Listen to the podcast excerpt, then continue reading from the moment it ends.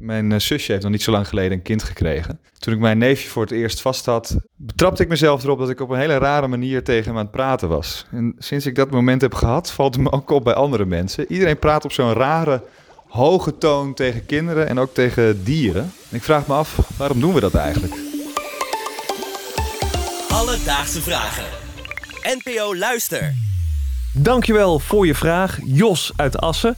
Ja, volgens mij is dit wel echt iets wat iedereen doet. Maar Rosa, ik weet dat jij hier echt een pest pleurishekel aan hebt. Ja, ik heb hier echt een hekel aan. Ik vind het zo raar dat als je naar iets kleins kijkt, dat je dan. Dat kan zo'n baby toch niet leuk vinden. Ik weet überhaupt niet hoe je met kinderen moet praten, maar ik kan me niet voorstellen dat een kind het leuk vindt. Dat je zegt. Nou, dan gaan we deze aflevering Ja. uitzoeken of dat misschien wel zo is. Want ja, heel veel mensen doen het. Ja. Dan ben je toch geneigd om te zeggen dat er wel een reden voor is. Nou ja, om uit te zoeken of dat echt zo is, ehm, hebben we eventjes gebeld met niet één, maar twee deskundigen. Als eerste bellen we met Marijn van Dijk. Zij is als hoogleraar verbonden aan de Universiteit van Groningen. En ze is een expert op het gebied van kindertaal.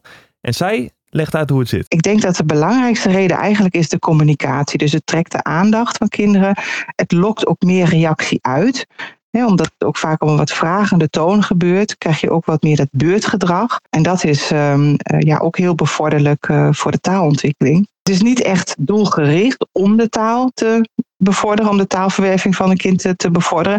Maar dat is wel een gevolg ervan. Dus omdat wij op deze manier praten, dus eh, ja, meer variatie in toonhoogte hebben, blijkt het voor kinderen ook makkelijker te zijn om de woorden daaruit te herkennen, om lettergrepen te herkennen en ja, ook om eh, de, ja, de structuur, de zinsbouw in een taal te herkennen. Dus dat is wel een, eh, gevolg daarvan. Als we zo praten, dan trekt het blijkbaar de aandacht. En Ja. als bijvangst bevordert het ook nog de communicatie van een kind. Maar ja, dan is toch wel nog een beetje de vraag die overblijft. Waarom vinden ze het op zo'n hoge toon dan leuk? Ja, precies. Nou, iemand die daar meer over kan vertellen is taalwervingsdeskundige Paula Fikkert van de Radboud Universiteit Nijmegen. Want volgens haar zit er best wel een ingewikkeld proces achter. De nieuwste inzichten zijn dat het brein van kinderen eh, golft altijd. En de golflengte van eh, de, het brein van kinderen en die van de kindgerichte spraak, die komen heel erg overeen. En waarschijnlijk als die meer synchroon lopen, dan is het voor kinderen prettiger en makkelijker om te gebruiken. En de spraak gericht aan volwassenen is over het algemeen sneller. En dat, dat gaat eh, minder synchroon met de breingolven van het babybrein. Laten we dit nog eventjes kort uitleggen. Iedereen die leeft heeft hersenactiviteit. Ja. En dat kun je dus gelukkig maar. en dat kun je meten aan de hand van hersengolven. En dat kun je eigenlijk voor je zien als een soort van elektrische stroompjes. En de hoeveelheid daarvan die varieert aan de hand van wat je doet. Als je bijvoorbeeld studeert, dan heb je er heel veel. En als je slaapt, heb je heel weinig. En wat het is bij die kindertaal, dat hoog praten en dan oeh, zo langzaam. Ja, dat ga dat? ik niet nog een keer doen.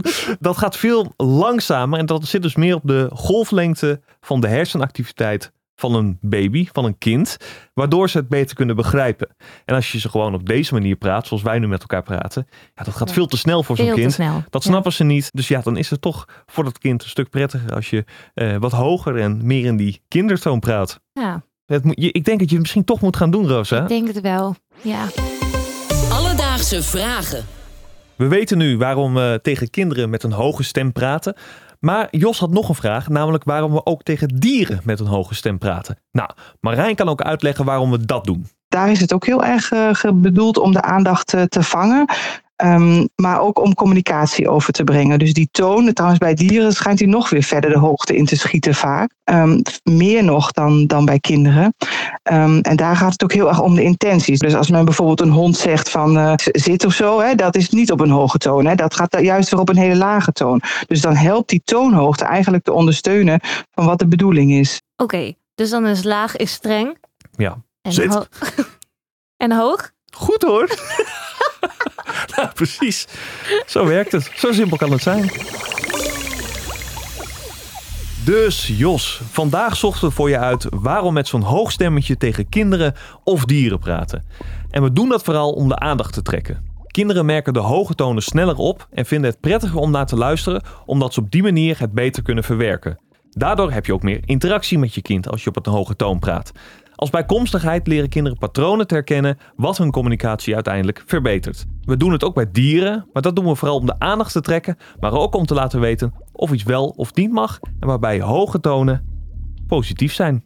Goed gedaan, Aaron. Goed uitgelegd. Heb jij ook een vraag? Stuur ons dan een berichtje op Instagram. Dat kan naar Alledaagse Vragen. Of je kan natuurlijk een mailtje sturen naar alledaagsvragen.bnnvara.nl en dan zoek ik het voor je uit.